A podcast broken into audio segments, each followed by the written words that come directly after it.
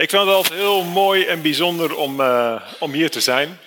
Uh, toen ik in de voorbereiding met uh, Brent, oh Brent is even weg, Brent contact had, ehm, toen uh, stuurde hij ook wat informatie dat jullie bezig zijn met een serie over het koninkrijk.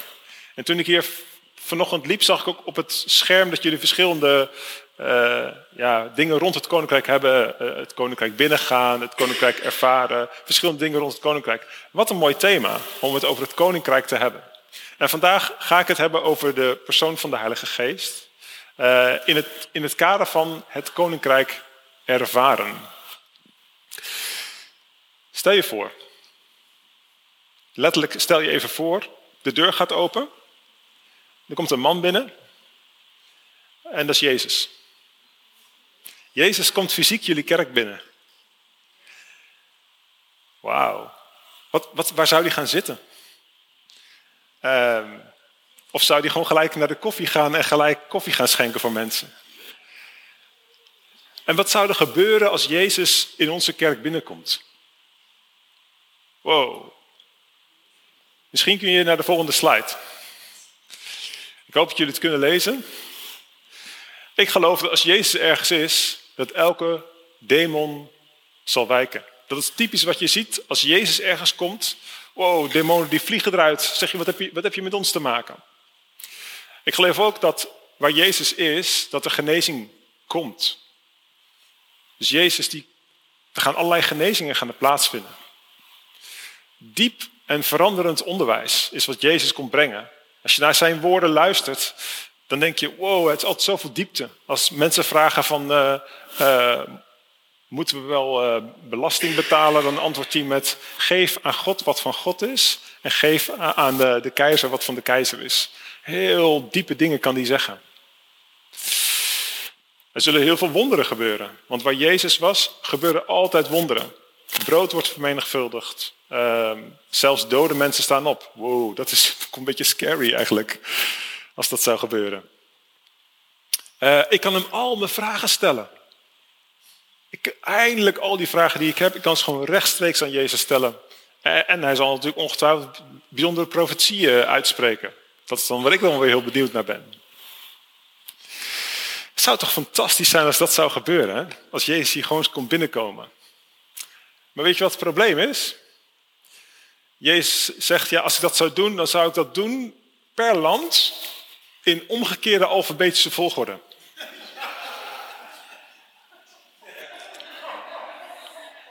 Dus ja, het zal nog wel even duren voordat hij bij jullie is. En dat vond ik toch ook wel heel jammer. Want China komt voor België bijvoorbeeld. Ja, daar ben je nog even bezig. Dus Jezus had een ander plan. Jezus had een ander uh, manier waarop hij dacht, hoe kan ik mezelf nou zichtbaar maken in de kerk? En dit is een heel mooie tekst daarover. Um, maar dit is de waarheid. Het is goed voor jullie dat ik wegga. Dat zeg je tegen zijn discipelen. Het is goed dat ik wegga. We mogen blij zijn dat Jezus hier niet fysiek binnenkomt lopen, want hij had een beter plan. Want als ik niet ga, zal de pleitbezorger niet bij jullie kunnen komen.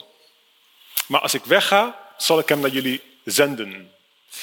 En ik heb dat woord uh, pleitbezorger heb ik even blauw gemaakt. Uh, en ik heb eronder de Griekse vertaling gezet. Ik ken helemaal geen Grieks, maar uh, ik kan het wel gewoon opzoeken. En dan staat het daar.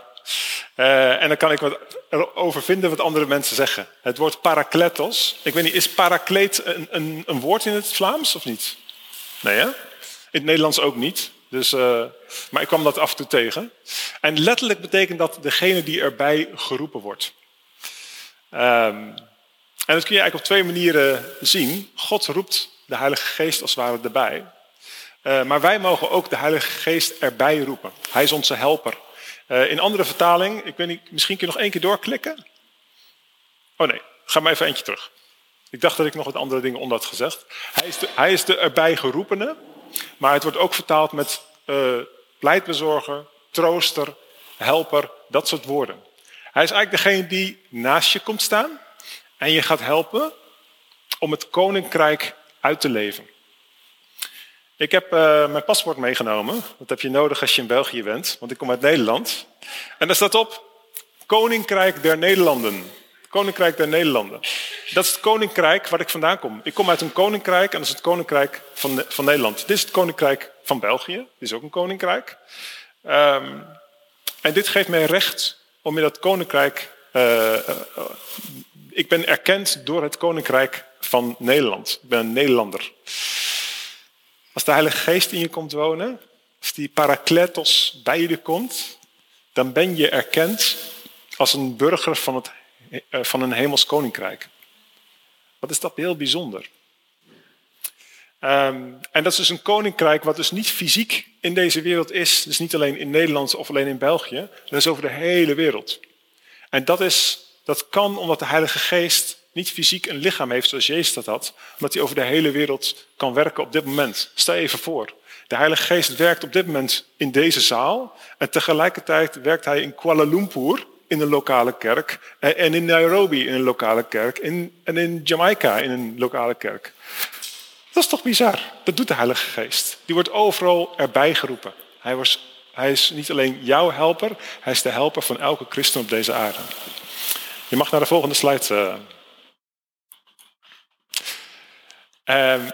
niet alleen de Heilige Geest is onze parakletos, onze helper. Maar ook Jezus was al een parakletos, een helper. Um, en dit is een tekst uit 1 Johannes die ik, die ik erop heb gezegd. Um, en Johannes zegt eigenlijk, joh, als je, mocht er ooit zonde zijn in je leven, weet dan dat er een pleitbezorger is bij de Vader. Dus we hebben iemand die op aarde ons helpt, dat is de Heilige Geest. Alleen we hebben twee helpers eigenlijk, die allebei parakletos, helper of pleitbezorger worden genoemd. En we hebben er eentje die werkt op aarde, dat is de Heilige Geest. En we hebben er eentje in de hemel, en dat is Jezus zelf. Die zit aan de rechterhand van de Vader. Die, zit aan, die wordt Jezus Christus de rechtvaardige genoemd. En het woord rechtvaardig wil eigenlijk zeggen, hij, is, hij, hij zit daar rechtmatig en hij heeft alle recht om daar te zitten. Er was nooit enig argument waarom hij daar niet zou kunnen zitten. En hij is degene die ons pleit beslecht of die ons helpt in de hemel. Dus het wordt eigenlijk beter nadat Jezus uh, naar de hemel is gegaan. Want hij heeft niet alleen, is, was hij de pleitbezorger hier op aarde.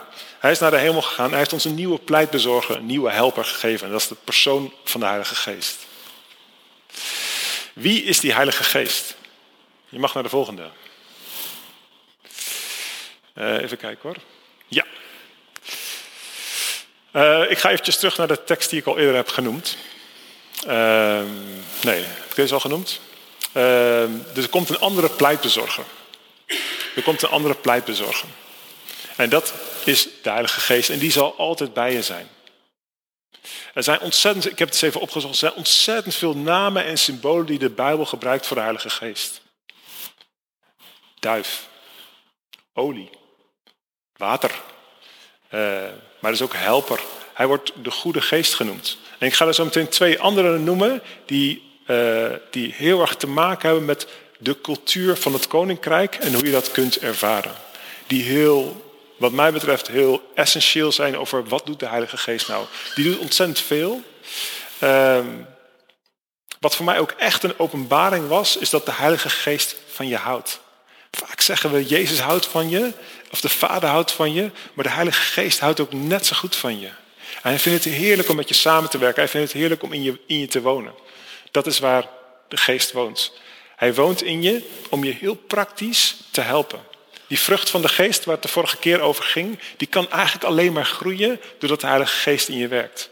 Jezus zegt dan inderdaad in Johannes 15, abide in me, blijf in mij. Uh, maar dat is eigenlijk het werk van de Heilige Geest uh, wat die vrucht gaat voortbrengen. Dat is een van de dingen die de, die de Heilige Geest doet. Ehm, maar hij doet nog zoveel meer. Ehm, dus, dus Jezus is naar de hemel gegaan. Hij is de pleitbezorger. Op aarde hebben we een andere pleitbezorger. En dat is de Heilige Geest. Je mag naar de volgende. Ik heb de tekst nog een keer uh, staan. Ik zal de Vader vragen jullie een andere pleitbezorger te geven. Die altijd bij zal zijn. De geest van de waarheid. De geest van de waarheid. Dat is hoe de Heilige Geest genoemd wordt. Toen ik dat voor het eerst las, las, dacht ik, oh, dat is ook wel een beetje scary. Dat is ook wel een beetje eng. Waarheid kan ook wel klinken als heel hard. Of, oeh, dan weet hij ook wel alles van me. Uh, en hij weet ook alles van me. Alleen ik geloof dat de waarheid van Gods woord altijd goed nieuws is. Ik geloof dat de waarheid van Gods woord altijd goed nieuws is.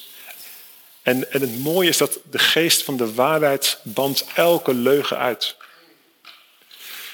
En dat is het bijzondere wat de Heilige Geest doet. Als je een relatie hebt die verstrikt is in leugens, kun je nooit een relatie van vertrouwen hebben. Maar als je een relatie hebt die gebaseerd is op waarheid, dan kun je elkaar recht in de ogen kijken.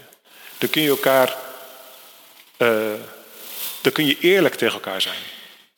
De Heilige Geest is een goede geest, zo wordt het in de Bijbel genoemd. Je zou kunnen zeggen, hij is een eerlijke geest. Hij is een geest van de waarheid. Alleen waarheid alleen kan ook wel heel hard zijn. Iemand de waarheid vertellen, oeh, dat is toch ook wel een beetje, kan ook wel pijn doen. De waarheid kan soms ook pijn doen. Um, en daarom heeft de Heilige Geest nog een andere naam. En die heb ik gevonden in Zacharia 12. Hij wordt, dus, hij wordt dus genoemd geest van de waarheid, maar er is nog een andere naam van hem. Um, en dat is uh, de geest van de genade en de gebeden. En ik heb geest van de genade even blauw gemaakt. Dus de Heilige Geest is de geest van de waarheid en hij is de geest van genade. En die combinatie is superkrachtig. Laat me eerst wat zeggen over genade. Genade is iets wat je alleen vindt in het koninkrijk van God. Er is maar heel weinig genade in deze wereld. Als ik een, ik krijg het inmiddels niet meer, maar als ik een uh, salarisstrookje krijg van mijn werkgever, is dat puur omdat ik zoveel uur voor hem gewerkt heb, of omdat we een contract hadden.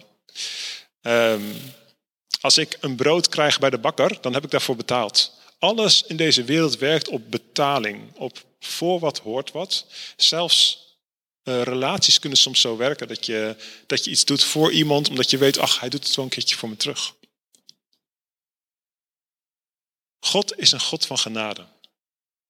Er was niets wat ik heb gedaan om acceptabel te kunnen zijn voor Hem, maar Hij heeft mij gekozen en Hij heeft mij schoongewassen en Hij heeft mij gereinigd. Hij heeft mij zijn geest gegeven, puur uit genade.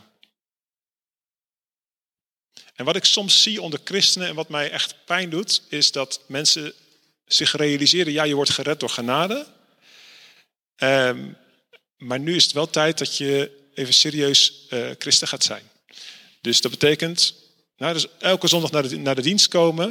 Uh, dat betekent wel je tiende geven. Dat betekent wel dat je nu vanaf nu aardig gaat zijn. Uh, dat betekent wel dat je ook een taak op je gaat nemen. En met al die dingen is helemaal niks mis. Maar het heeft heel erg te maken met hoe kijk je daarnaar. Moet jij dat allemaal gaan doen omdat je nu een christen bent? Of geeft God je de genade om dat te doen? En wil hij dat eigenlijk vanuit de binnenkant je laten doen? Sommige mensen zeggen, ja, je wordt gered door genade. Ik geloof dat ook.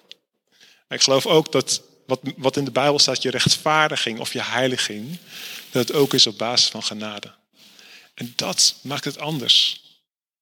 Dat maakt het voor mij heel relaxed en heel rustig. Want ik weet, ik kan het niet zelf. Ik heb een heilige geest nodig. Ik heb de geest van genade nodig. Uh, die in mij werkt. En die het goede in mij gaat bewerken. Efeze 2, vers 10 zegt het zo mooi. Dat je mag gaan wandelen. Niet rennen, maar ook niet stilstaan. Nee, wandelen in de goede werken die Hij al voor ons heeft voorbereid. Ergens in de hemel uh, is denk ik dan, stel ik me even voor, het staat niet in de Bijbel, maar stel ik me even voor. Ergens in de hemel is een boek en daar staat mijn naam in, Sander Wuister. Uh, en daar staan allemaal data langs. En er staat in goede werken 1, goede werken, goede werken, goed. Die zijn allemaal voorbereid. Het enige wat ik hoef te doen, is in afhankelijkheid van de Heilige Geest vragen, waar mag ik in wandelen? Wat mag ik doen? En dat zal voor jou er heel anders uitzien dan voor jou, uh, dan voor jou. Maar de Heilige Geest wil je helpen, heel praktisch, om te leven vanuit genade. Alleen genade kan het heel uh, soft maken. Alleen waarheid kan het heel hard maken. En daarom vind ik het zo mooi dat de Heilige Geest een geest is van genade en waarheid. Ik heb helemaal in het hoekje, ik weet niet of je dat kunt zien, zie Johannes 1 vers 17. Ik weet niet of iemand weet wat, wat er in Johannes 1 vers 17 staat. In, in, Johannes, in Johannes 1 vers 16 staat, wij hebben dan van hem ontvangen genade op genade.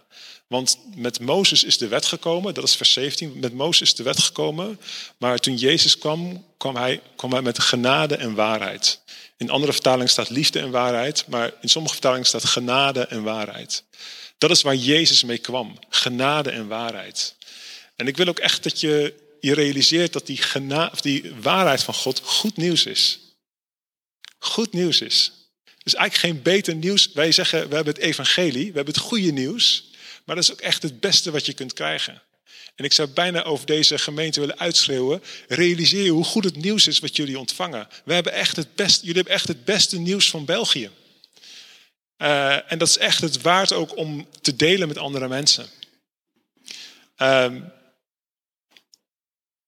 die waarheid. Weet je wat de waarheid van God over jou is? Dat er voor jou geen veroordeling meer is als je in Christus Jezus bent. Ik zie soms zoveel christenen worstelen met zelfveroordeling. Ja, maar ik heb dit en dit gedaan in mijn leven. Of ik voldoen niet aan de eisen die ik mezelf heb gesteld. Ik zou bijna willen zeggen, breng het naar het kruis.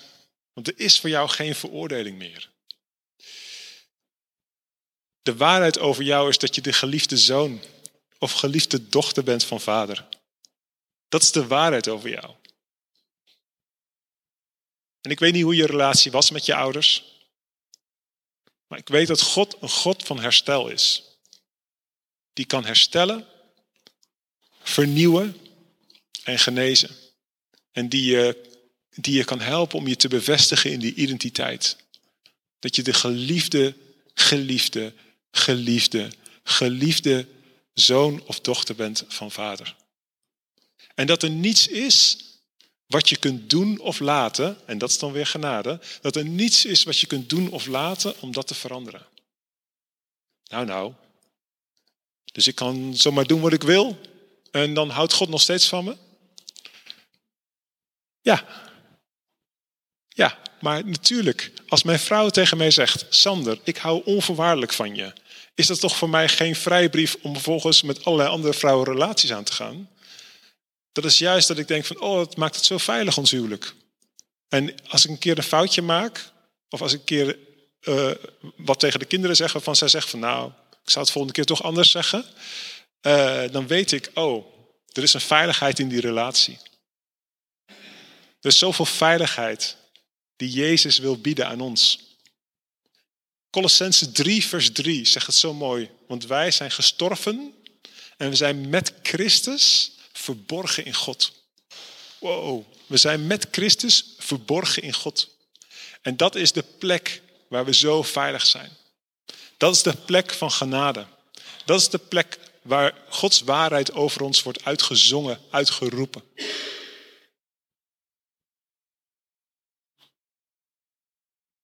Je bent zo geliefd.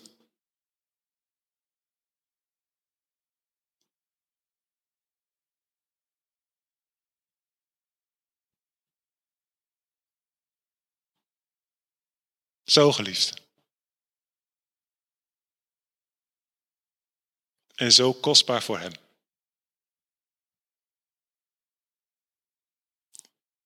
De Heilige Geest is ook de persoon die dat wat God wil in je hart gaat uitwerken.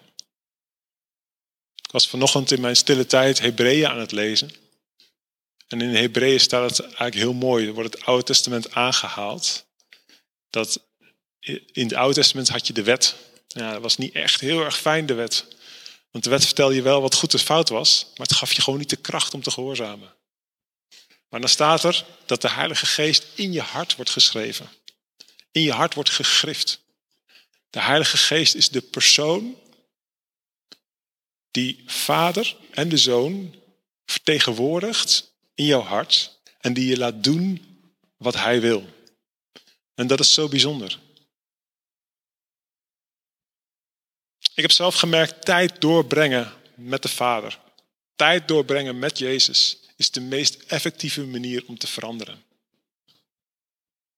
En ik heb ook gemerkt dat uh, als het gaat over uh, wat de Heilige Geest tegen je wil zeggen, is dat hij vaak begint met die identiteit.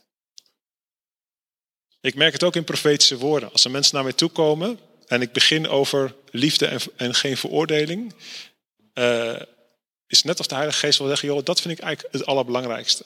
Voordat ik over bestemming ga praten. Voordat ik ga praten over uh, wat er op iemands leven ligt. Wil ik dat doen? Niet altijd, het is niet altijd zo zwart-wit, maar vaak wel. Uh, dat uh, wil ik graag dat mensen weten wie ze zijn in Christus.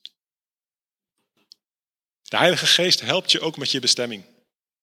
De Heilige Geest helpt je ook met het uitwerken van waarom ben ik hier op aarde? Grote vraag, hè? Waarom ben ik hier op aarde?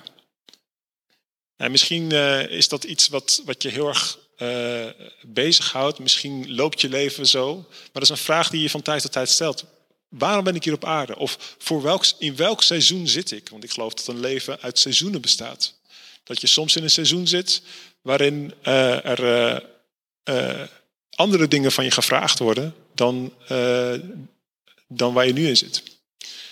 Ik stap in een nieuw seizoen van uitstappen in profetie. Ik stap in een nieuw seizoen van bediening. Dat is een nieuw seizoen. Oude dingen worden afgesloten en nieuwe dingen gaan openen. Je leven kan steady doorgaan, kunnen ook echt nieuwe dingen in je leven gebeuren. En de Heilige Geest is degene die je daarin wil, mee wil helpen. Ik geloof dat de Heilige Geest een heel edel persoon is. Ik geloof dat God een heel edel persoon is. En ik geloof dat de Heilige Geest ook een heel nederig persoon is. Wat bedoel ik met nederig? De Heilige Geest, ik zeg, ik zeg wel als Jezus een gentleman, maar de Heilige Geest is ook een gentleman.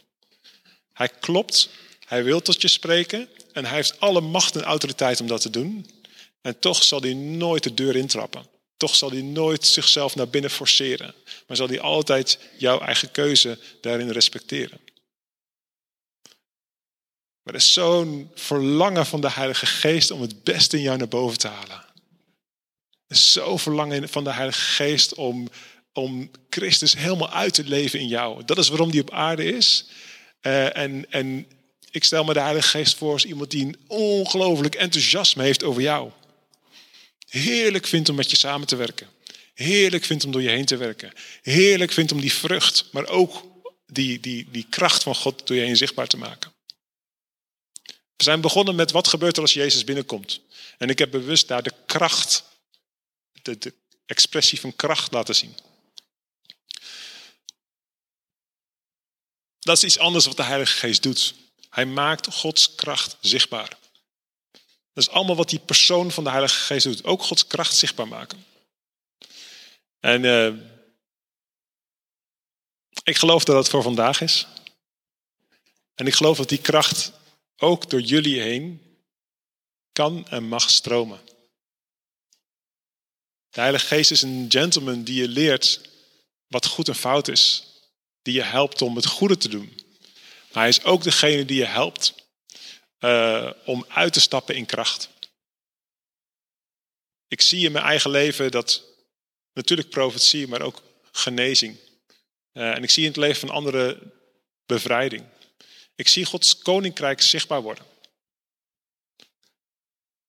En wat ik over jullie uit wil bidden, is een nieuwsgierigheid naar hoe ziet het koninkrijk eruit. En hoe ziet het koninkrijk eruit voor mij? En dat heeft altijd de element, het element van roeping, waar ben ik voor geroepen, en gave. En gave kan ook zijn dat je een gave hebt van dienen. Ik ken mensen die een gave hebben van dienen. Wow, die kunnen dienen. Dat, dat is echt niet normaal. Dat ik denk van wauw, die, die, die vinden het gewoon heerlijk om te dienen. Als ze dienen zijn ze helemaal in hun element. Er zijn mensen met een gave van leiderschap. Dat is een geestelijke gave. Uh, natuurlijk zeggen we ja, tongentaal is een geestelijke gave, of profetie of genezing. Maar die andere gaven die in Romeinen 12 staan, by the way, dat zijn ook prachtige gaven die God, die God geeft. Dat is allemaal de persoon van de Heilige Geest die dat uitwerkt. De Heilige Geest is betrouwbaar. Hij wil echt die partner met je zijn, die zoveel Christus in je leven wil uitwerken. En dat wil ik echt, uh, als, als je daar één ding van deze preek of van dit woord uh, onthoudt, zou ik tegen je willen zeggen, de Heilige Geest vindt het heerlijk om tijd met je door, door te brengen. Net zoals de Vader en net zoals Jezus het heerlijk vindt om die tijd met je door te brengen. En in die tijd doorbrengen met Jezus ga je vanzelf wel merken, wat is jouw verlangen? Wat is, wat is er wat Hij in je leven wil gaan doen?